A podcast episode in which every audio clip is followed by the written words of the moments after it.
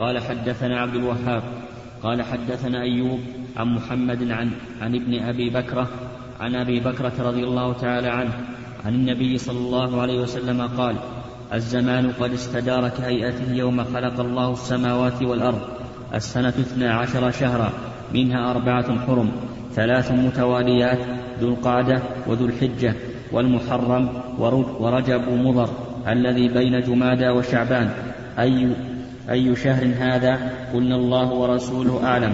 فسكت حتى ظننا أنه سيسميه بغير اسمه. قال أليس ذا الحجة؟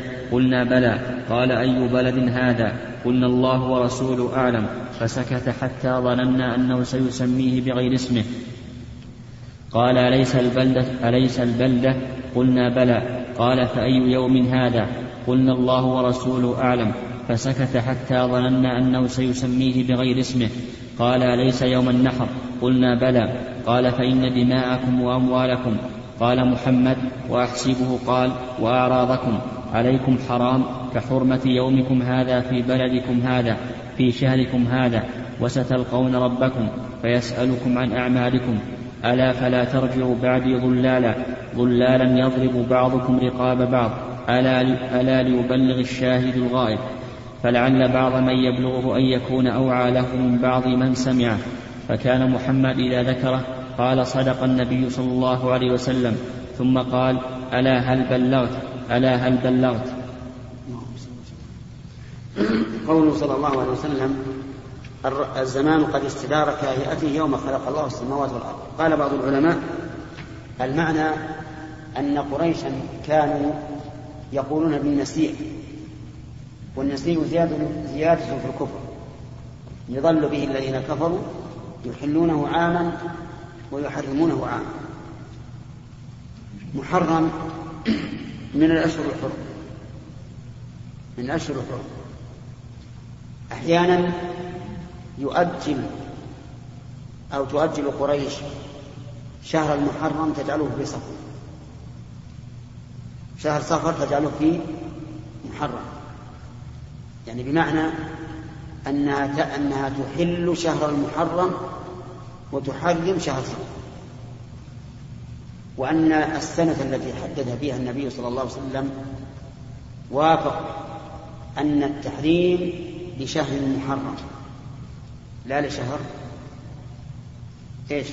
صفر فاستدار الزمان كهيئته يوم خلق الله السماوات والأرض. وقال بعض العلماء المعنى أن أن الزمان استدار كهيئته أي في تساوي الليل والنهار. وأن الرسول صلى الله عليه وسلم حدث بهذا الحديث في وقت تساوى فيه الليل والنهار في فصل الربيع. وعلى كل حال هذا أو هذا المقصود أن الرسول بين عليه الصلاة والسلام أن السنة اثنا عشر شهرا هلالية. وهذه السنة مواقيت لجميع الناس للمسلمين والكفار لهذه الأمة ولغير هذه الأمة. ولهذا كان اليهود يصومون عاشوراء في شهر المحرم ويوقتون بهذه الشهور. فهذه الشهور كما قال الله تعالى يسألونك عن الأهلة قل هي مواقيت للناس والحج. هي مواقيت للناس عموما والحج. وقال تعالى في القمر وقدره منازل لتعلموا إيش؟ عدد السنين والحساب. هذا هو التوقيت الذي جعله الله تعالى للعباد. لكن توالت الأمور والأحداث وغلب النصارى على بعض البلاد الإسلامية وحولوا التوقيت إلى التوقيت غير العربي وغير الهجري وغير ما خلق ما جعله الله عز وجل للناس. بأشهر لا نعلم ما أصل هذه الأشهر.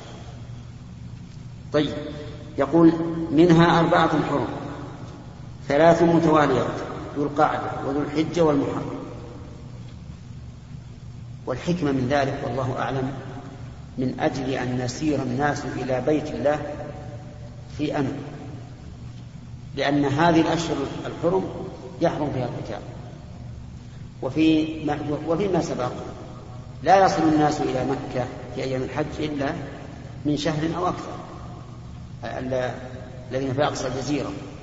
فلذلك جعل الله عز وجل للحج حرما حرما في الزمان كما جعل له حرما في إيش؟ في المكان. هذه الأشهر الثلاثة ذو القعدة شهر قبل شهر ذي الحج ذي الحجة. محرم شهر بعده شهر ذي الحجة. حتى يعمل الناس بذهابهم وإيابهم إلى بيت الله. والرابع يقول ورجب ورجب مضر القبيلة المعروفة من أكبر قبائل العرب. وأضيف إليها لأنها لأنه معلوم عندها. ويعرف بهذا بهذه النسبة.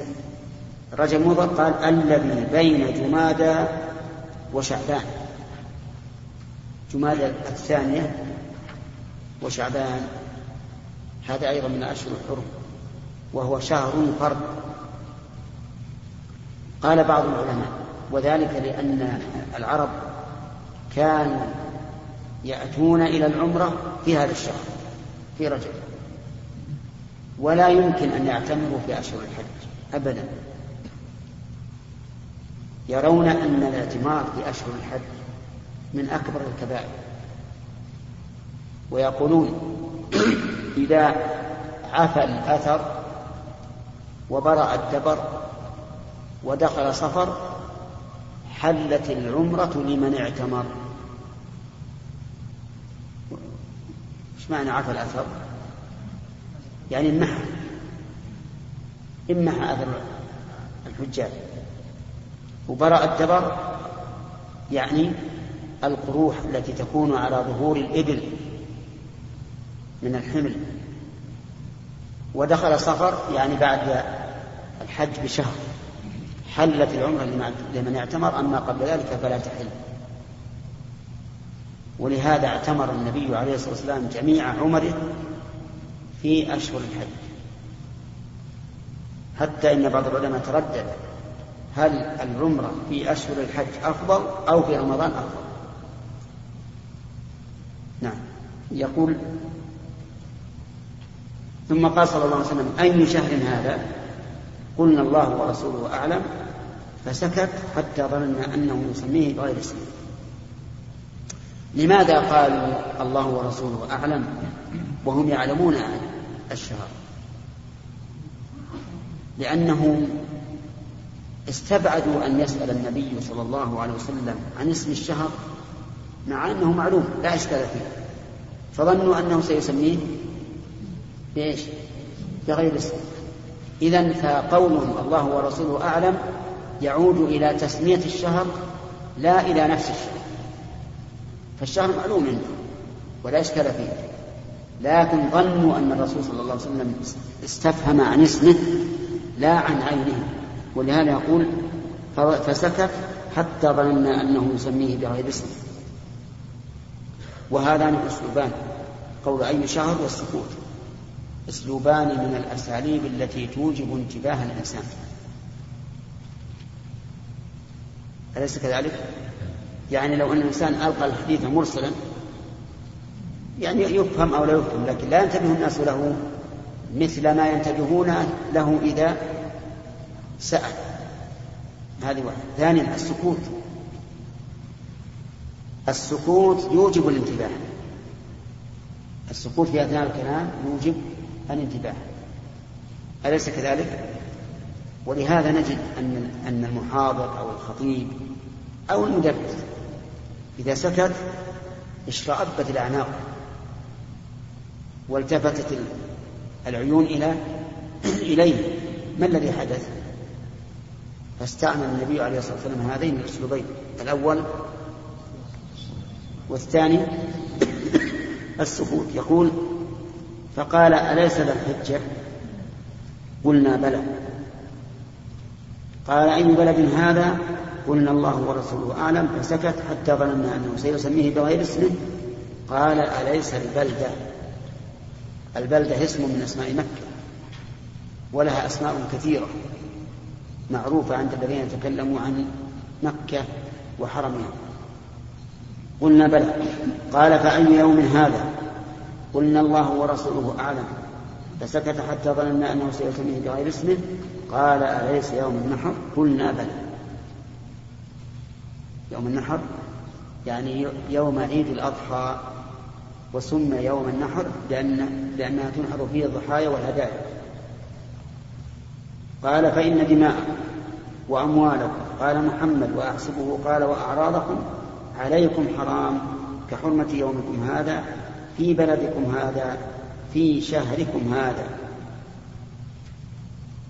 إذا أراد النبي عليه الصلاة والسلام من الاستفهام عن الشهر والمكان واليوم أراد تأكيد تحريم هذه الثلاثة الدماء والأموال والأعراض.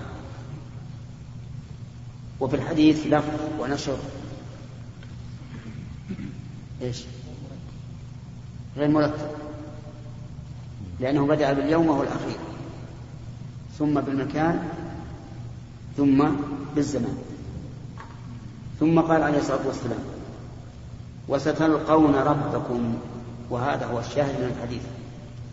فيسألكم عن أعمالكم. وقد ورد أن صفة هذا اللقاء أن الله سبحانه وتعالى يخلو بعبده المؤمن ويقرره بذنوبه. يقول فعلت كذا فعلت كذا فعلت كذا حتى إذا أقر قال قد سترتها عليك في الدنيا وأنا أغفرها لك اليوم. ثم قال ألا فلا ترجموا بعدي ضلالا وفي لفظ كفارا ولا منافاة بينهما.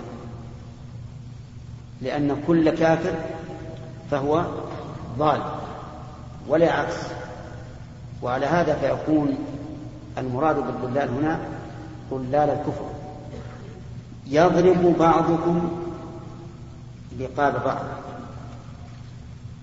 وهنا قد يسأل النحوي لماذا قال يضرب بالرفع مع أنها بعد النهي. فلا ترجع ومعلوم أن فاء السببية إذا حذفت بعد النهي أو الأمر فإن الفعل إيش؟ يجزم. إذا حذفت فاء السببية فإن الفعل بعد حذفها يكون مجزوما نعم إيش الجواب؟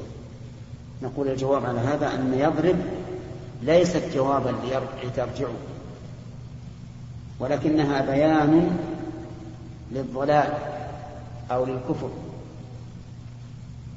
فهي جملة استئنافية تبين ماذا ماذا يحصل به الكفر أو ماذا يحصل به الضلال. يضرب بعضكم رقاب بعض ألا ليبلغ. ليبلغ الشاهد الغائب ألا كررها مرتين للتنبيه وقول ليبلغ اللام الأمر والفعل بها مجزوم ولكنه حرك بالكسر لماذا؟ لالتقاء الساكنين فلعل بعض من يبلغه أن يكون أوعى من بعض من سمعه. هذا يفسر قوله رب مبلغ أو أوعى من سامع يعني أن بعض من يبلغه أوعى من بعض من سمعه. وليس كل من يبلغه أوعى من كل من سمعه. وهذا من الاحتراز في القول. وينبغي الإنسان في مثل هذا التعبير أن يحترز بدل أن يقول مثلا الناس فعلوا يقول بعض الناس فعلوا. الناس يفعلون يقول بعض الناس يفعلون حتى يكون كلامه محررا قال فكان محمد إذا ذكره قال صدق النبي صلى الله عليه وآله وسلم ثم قال ألا هل بلغت؟ ألا هل بلغت؟ الجواب بلغ ولا لم بلغ بلغ. بلغ البلاغ المبين عليه الصلاة والسلام بقوله وفعله وإقراره. وترك أمته على محجة بيضاء ليلها كنهارها لا يزيغ عنها إلا هذا. ومن خفي عليه شيء من السنة فهو لأحد أسباب ثلاثة. إما قصور علمه إما نقص علمه وإما قصور فهمه وإما سوء قصده. أما الأول وهو نقص العلم فواضح. وأما الثاني قصور الفهم فواضح أيضا. لأن بعض الناس يحفظ كثيرا ولكن لا يفهم فيفوته من العلم بقدر ما فاته من الفهم. وأما الثالث وهو سوء القصد فإن الإنسان يحرم العلم ولو كان عنده حفظ كثير وفهم يحرم بسبب سوء القصد والعياذ ومن سوء القصد أن لا يريد الإنسان إلا الدنيا. ومن سوء القصد أن لا يريد الإنسان إلا أن ينصر رأيه. ومن سوء القصد أن لا يريد الإنسان إلا أن يتعصب لشيخه ومتبوعه. والواجب على الإنسان أن أن يريد الوصول إلى الحق.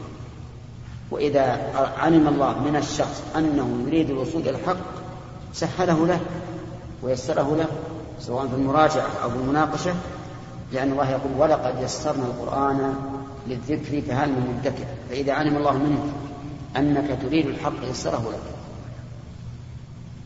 نعم سعد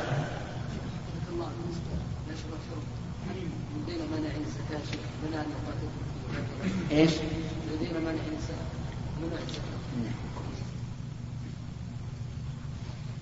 سمعتم سؤالا؟ يقول هل تحريم القتال في الأشهر الحرم باقي أو لا؟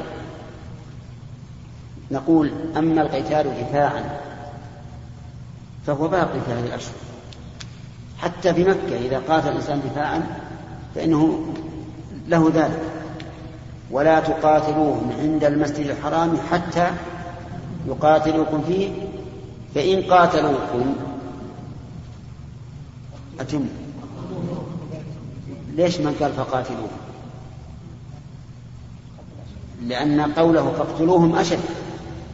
اقتلوهم لأنهم انتهكوا حرمتكم وحرمة البيت فاقتلوه كذلك الأشهر الحرم.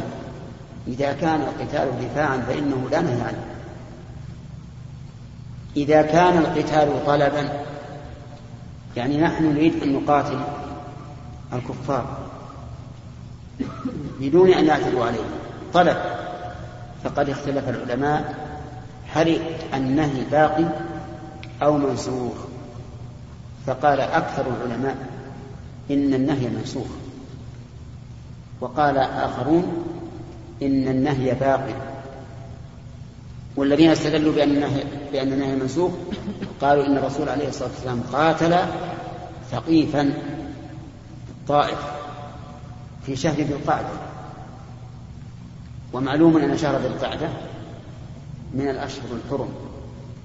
وكذلك في غزوة تبوك في المحرم وهذا من الأشهر الحرم وأجاب الآخرون قالوا إن قتل ثقيف كان امتدادا للفتح والقتال في الفتح متى كان؟ في شوال في شهر رمضان. في شهر رمضان. وانتهت الترتيبات إلى أن دخل شهر شوال وعلم الرسول عليه الصلاة والسلام أن ثقيفا تستعد له. فاستمر في القتال.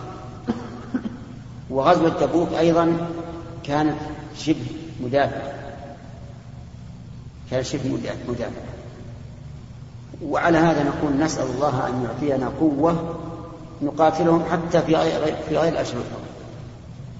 نحن الآن لا نقاتل لا في الأشهر الحرم ولا في غير الأشهر الحرم. ولكن نسأل الله سبحانه وتعالى أن يعطينا القوة القوة الإيمانية والقوة المادية.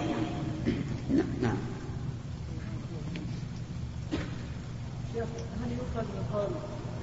كان محمد إذا ذكره قال صدق النبي هل يؤخذ من هذا القول؟ حين تنتهي الحديث النبي صلى الله عليه وسلم صدق الرسول أو صدق النبي؟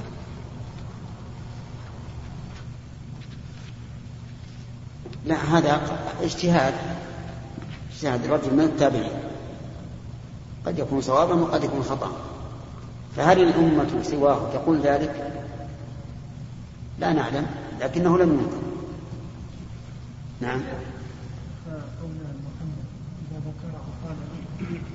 صدق النبي صلى الله عليه وسلم ثم قال هذا هل بلغ هذا قول النبي صلى الله عليه وسلم من قول محمد أنه بلغ حديث النبي صلى الله عليه وسلم لا هذا من كلام الرسول صلى الله عليه وسلم. هذا الظاهر من كلام الرسول وأن الجملة هذه معترضة. شوف كلام ابن حجر. وما تكلم. نعم. إيه. هذا هو الظاهر لكن شوف. حال تقدم. حال. الله يغفر له الله يغفر له. ما أكثر حوالات. وأحيانا تكون على غير مد. أحيانا نذهب إلى المكان اللي حال عليه ولا نجد شيء. لكن كأنه يريد أن يكتبه فينسى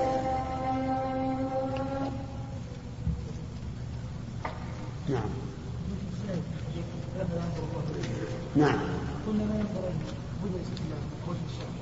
كيف؟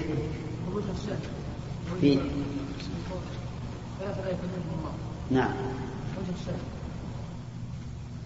وجه يعني مناسبة الحديث الترجمة إيه.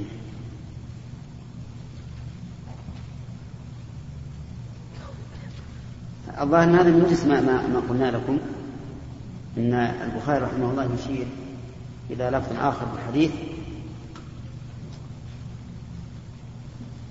نعم نعم. ها؟ ستلقون ربكم. أي؟ الحديث. الأخير. له يسأل اللي قبله. نعم. باب ما جاء في قول الله تعالى إن رحمة الله قريب من المحسنين. حدثنا موسى بن إسماعيل قال حدثنا عبد الواحد قال حدثنا عاصم عن أبي عثمان عن أسامة قال كان ابن لبعض قال كان ابن لبعض بنات النبي صلى الله عليه وسلم يقضي فأرسلت إليه أن يأتيها فأرسل إن لله ما أخذ ولله ما أعطى وكل إلى أجل وله لله؟ نعم. وكل إلى أجل مسمى فلتصبر ولتحتسب فأرسلت إليه فأقسمت عليه فقام رسول الله صلى الله عليه وسلم وقمت معه ومعاذ بن جبل وأبي بن كعب وعبادة بن الصامت فلما دخلنا ناولوا رسول الله صلى الله عليه وسلم الصبي ونفسه تقلقل تقلقل في صدره. قلق عندي ضامن. عندنا تقلقل. ونفسه تقلقل في تقلقل في صدره. حسب ها؟ فتح التاء نعم. ها؟ إيش؟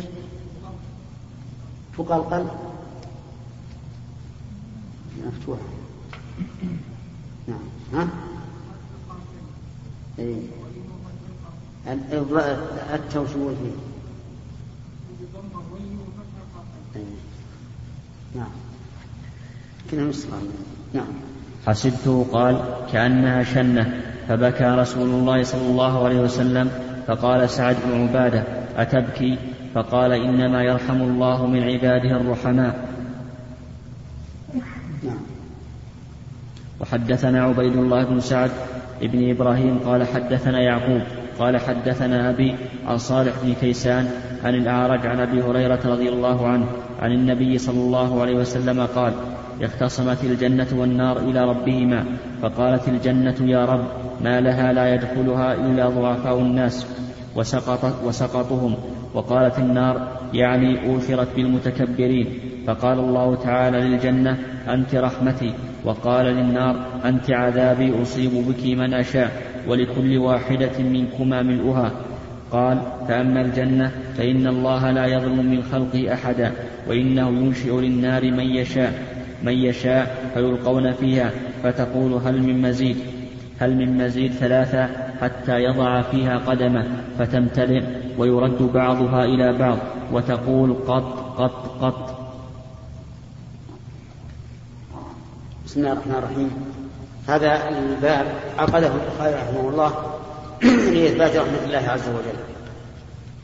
وقد سبق التفصيل في الرحمة وذكرنا أنها تنقسم أولا إلى قسمين. هنا. نعم. مخلوقة وغير مخلوقة وأن المخلوقة تنقسم أيضا إلى قسمين. غير مخلوقة تنقسم إلى قسمين عامة وخاصة. وسبق الكلام على هذا وبيان أن أهل التعطيل أنكروا أن يكون لله رحمة بمعنى ما أراده الله ورسوله وقالوا المراد بالرحمة ما يترتب عليها. من ثواب وإنعام وما أشبه ذلك. وقوله تعالى إن رحمة الله قريب من المحسنين فيها الحث على الإحسان وأنه كلما كان الإنسان أكثر إحسانا كان أقرب إلى رحمة الله عز وجل لأنه يكون رحيما بذلك والله تعالى يرحم من عباده الرحماء. ثم ذكر حديث الصبي الذي لإحدى بنات الرسول صلى الله عليه وسلم وتقدم الكلام عليه. ثم ذكر حديث أبي هريرة وفيه بحث. فيه اختصمت الجنة والنار إلى ربهما. فالجنة قالت يا ربي إنه لا يدخل لا يدخلها إلا الضعفاء. والنار قال إنها أوثرت بالمتكبرين. وفي قول الراوي وقالت النار يعني أوثرت دليل على أنه لم يضبط اللفظ. ولكنه صحيح. ما ذكره هو صحيح. وفي وفي الحديث أن الله قال للجنة أنت رحمتي. من أي نوع الأقسام؟ أنت. أجب. إيه أنت؟ لا مو هذا. إيه أنت؟ نائم ولا صاحي نعم. طيب المخلوقة ولا غير المخلوقة؟ ها؟ المخلوق. طيب. وقال للنار أنت عذاب أصيب بك من أشاء ولكل واحد منكم ملؤها قال فأما الجنة فإن الله لا يظلم من خلقه أحدا وإنه ينشئ للنار من يشاء. هذا لا شك أنه منقلب على الراوي. انقلابا واضح. منقلب انقلابا واضحا. والصواب فأما النار فإن الله لا يظلم من خلقه أحدا وأما الجنة فإنه ينشئ لها من يشاء. وهذا قد مر علينا على الوجه الصحيح. فالحديث منقلب. وعليه فيكون فأما الجنة فينشئ لها من يشاء. وأما النار فإن الله لا يظلم من خلقه أحدا فيلقون فيها إلى آخره. وقوله حتى يضع فيها قدمه فتمتلئ. هذا مما استدل به أهل التعطيل على أن المراد بالقدم من يقدمهم الله إلى النار لقوله فتمتلئ وسبق لنا أن اللفظ الصواب فينزوي بعضها إلى بعض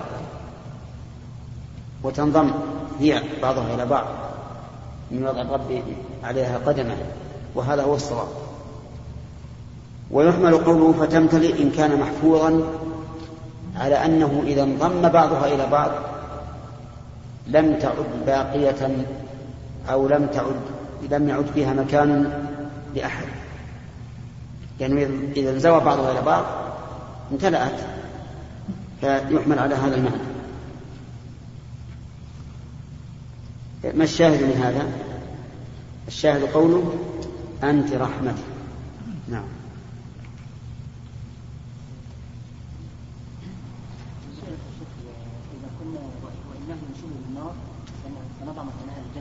إيش؟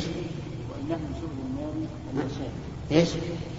الحديث وانه ينشئ للنار من يشاء. نعم. سنضع لفظ الجنة مكانه. الصواب فأما الجنة فإن الله ينشئ لها من يشاء. وأما النار فإن الله لا يظلم أحدا من خلقه فيلقون فيها إلى آخره. هذا صواب. نعم سليم. ها؟ إيه؟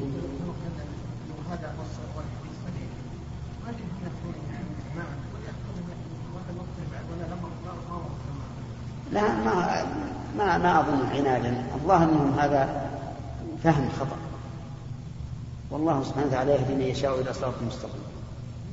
ولهذا كان من دعاء الرسول صلى الله عليه وسلم في استفتاح صلاة الليل أنه يقول أنت تحكم بين عبادك فيما كانوا فيه يختلفون اهدني لما اختلف فيه من الحق باذنك إنك تهدي من تشاء إلى صراط مستقيم. لكنهم ظنوا أن إثبات مثل هذه الأشياء تستلزم نقص الرب عز وجل مع أنه ليس فيه نقص.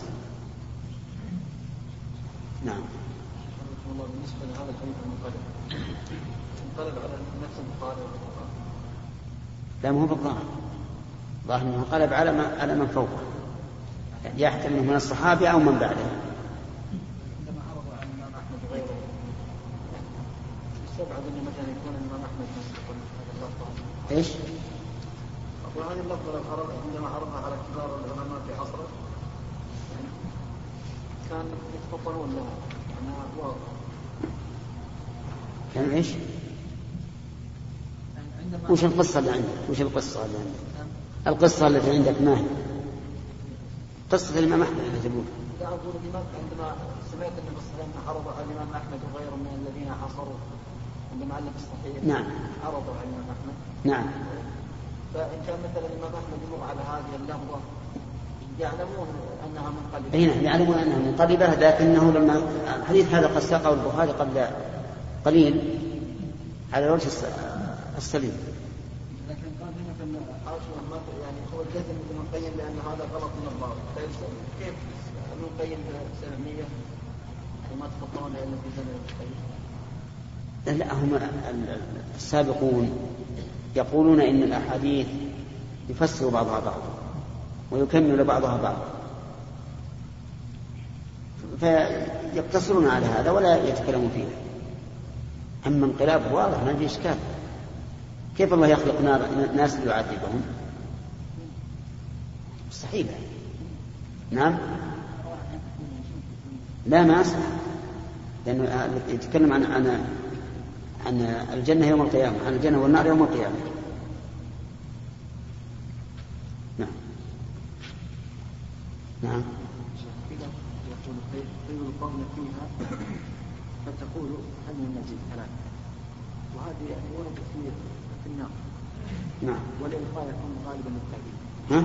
الإلقاء يكون غالبا فيه للتأديب في التعذيب تعذيب إيه وهو, وهو, وهو كذلك ما قلنا أنه ينشئ الجنة. نعم. قلنا أن المفروض الجنة أنه من يشاء فيلقون فيها. لا قلنا صواب فأما الجنة فإنه ينشئ لها من يشاء. هذا صواب الحديث. لا وأما النار فإن الله لا يظلم من خلقه أحدا فيلقون فيه يعني أهل النار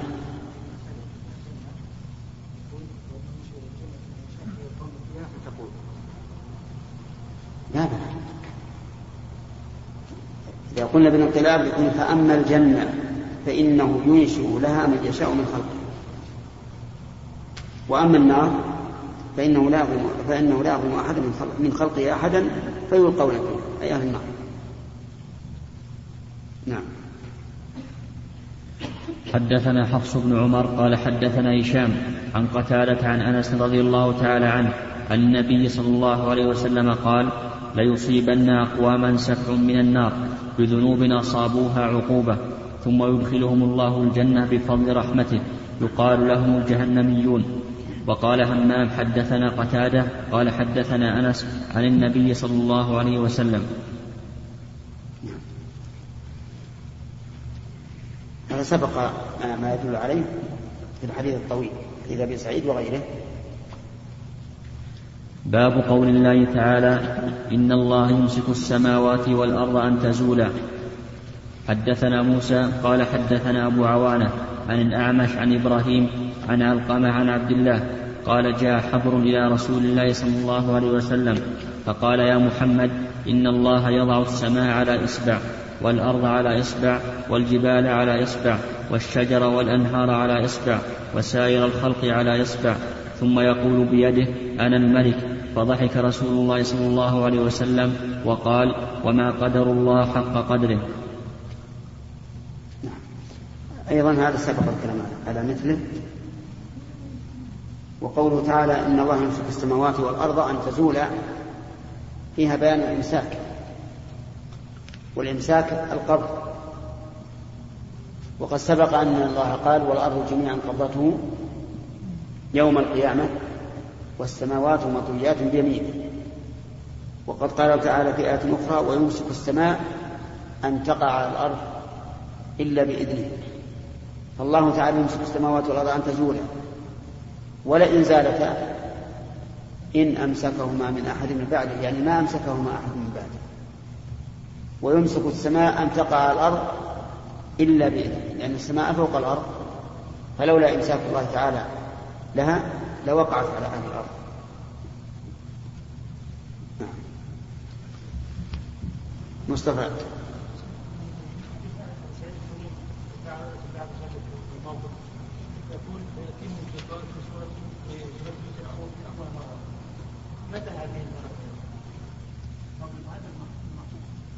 الظاهر في المحشر يأتيهم الله تعالى مرتين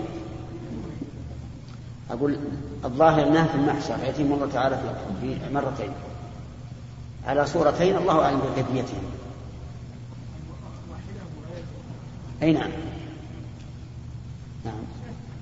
الله أما يدل قول الرسول صلى الله عليه وسلم فضحك فعله ثم قوله على تقديم الاعتقاد بعدها القراءة. هذا إيش؟ تقديم الاعتقاد قبل القراءة لأن قدم فعله قبل قراءته. فعله؟ فعله قبل قراءته. ما هي مشكلة يعني النحو؟ والأول صح من الأول من الثاني. كيف قدم فعله؟ الرسول أخبر أن الله تعالى لما جاء الحبر وقال إننا نجد التوراة الله يجعل السماء على أسفل والأرض على أسفل إلى آخره. ضحك. تصديقا لقوله. ثم قرأ استدلالا لقوله وما قدر الله حقه. باب ما جاء في تخليق السماوات والأرض وغيرها من الخلائق وهو فعل الرب تبارك وتعالى.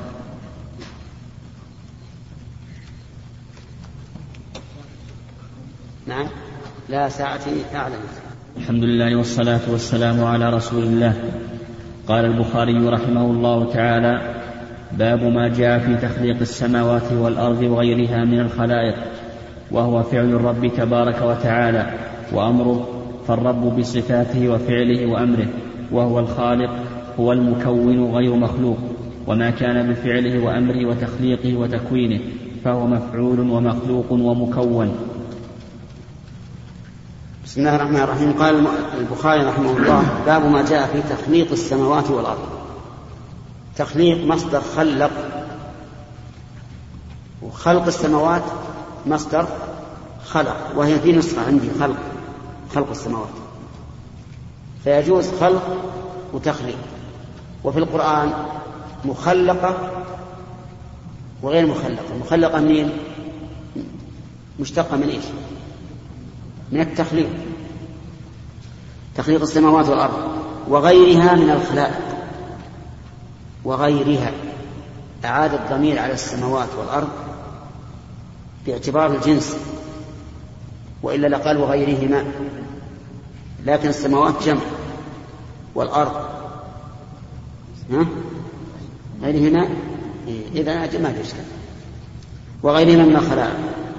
قال وهو أي التخليق فعل الرب تبارك وتعالى. وأمره فعله وأمره. التخليق يكون بأمرين بالأمر والفعل بالأمر والفعل. إنما أمره إذا أراد شيئا أن يقول له كن فيكون. فلا يتم الخلق إلا بالأمر. والأمر هذا مسبوق بالإرادة. وإنما بوب البخاري رحمه الله لهذا لأن من أهل البدع من يقول إن الرب ليس له فعل وأن المراد بفعله مفعول. المراد بفعله مفعول. لماذا؟ قالوا لأنه لو قامت لو قام الفعل بالخالق لكان محلا للحوادث ولا يكون محلا للحوادث إلا الحادث. وسبق أن هذه القاعدة فاسدة وباطلة وأن الرب عز وجل لم يزل ولا يزال خلاقا والمخلوق هو الذي يتجدد. المخلوق هو الذي يتجدد والفعل المقارن للخلق كذلك أيضا يتجدد. ولكن لم يزل ولا يزال خلاقا. فعلى هذا نقول البخاري رحمه الله سلك في هذا مسلك السلف الصالح. وهو أن الفعل إيش؟ غير مفعول. الفعل صفة قائمة بالرب. والمفعول مخلوق بائن عن الرب. وغرضوا بذلك إيش؟ الرد على من زعم.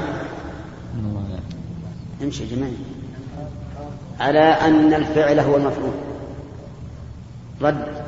قصد بذلك الرد على من زعم أن فعل الله مفعوله وليس لله فعل يقوم به أنتم فهمتم ولا لا؟ ولا رايحين؟ طيب إذا البخاري رحمه الله سلك مسلك السلف في أن الفعل غير المفعول الفعل فعل الرب والمفعول مفعول منفصل عن الرب مكون. ولهذا قال رحمه الله وهو فعل الرب تبارك وتعالى وأمره. فعل الرب واضح ان الخلق هو فعل الرب. أمره يعني الكائن بأمره الكائن بأمره. إنما أمره إذا أراد شيئا أن يقول له كن فيكون يقول للسماوات كن فتكون. قال ائتيا طوعا أو كرها؟ قالتا أتينا طائعين وهكذا كل المخلوقات حتى الذرة. إذا أراد أن يخلق يخلقها عز وجل قال لها كوني فتكون. وسبحان الله الذي وسع هذه الخلائق العظيمة. كم يخلق في اللحظة من المخلوقات؟ أمم لا يحصيها إلا الله. وهو عز وجل كلها يقول لها كن. فتكون. وإذا كان الرب عز وجل وسع الأصوات كلها. كل مصلي يقول الحمد لله رب العالمين فالرب عز وجل يقول له حمدني عبد. كل مصلي في أي مكان ولو اتحد الزمان فإن الله يقول حمدني عبد. وهذا يدلك على سعة الله. ولهذا قال والله واسع عليم محيط بكل شيء علما سبحانه وتعالى. وعلى هذا فنقول قول المؤلف رحمه الله وأمره يعني إيش؟ الكائن بأمره. الخلق فعل الرب. وأمره يعني الكائن بأمره. طيب. بأمره الكوني أو الشرعي؟ بأمره الكون. نعم. قال فالرب بصفاته وفعله وأمره يعني الرب رب بصفاته فالصفات لا تنفصل عن الموصوف. هو بصفاته أزلي أبدي جل وعلا. الأول الذي ليس قبله شيء والآخر الذي ليس بعده شيء. وهذا أيضا رد على من قال إن الصفة غير الموصوف. يقول الرب بصفاته. فأنت إذا دعوت الله هل دعوت ذاتا مجردة عن الصفات عجيب. إذا قلت يا رب فأنت تسأل الله وأنت تستحضر جميع صفاته التي تحيط بها. يعني يا ربي بالصفات الكاملة والأسماء الحسنى. هو عز وجل بصفاته وكذلك بأسمائه. لكن لم يذكر أسماء لأن الكلام الآن في الخلق.